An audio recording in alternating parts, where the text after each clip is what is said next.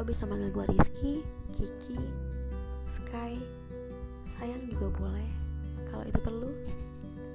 Tak kenal maka tak sayang, ya. tak respect kalau tak dengar podcast gue yang ini ya.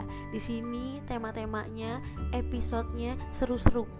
Di sini gue cerita tentang kehidupan sehari-hari gue teman-teman gue orang-orang yang gue sayang dan orang-orang yang baru gue kenal. Dari urusan hobi musik zodiak uh, feng shui semuanya ada di sini. Pokoknya semuanya bisa berbicara di podcast gue. Jadi tetap tungguin episode yang bakal datang terus dan jangan bosen-bosen.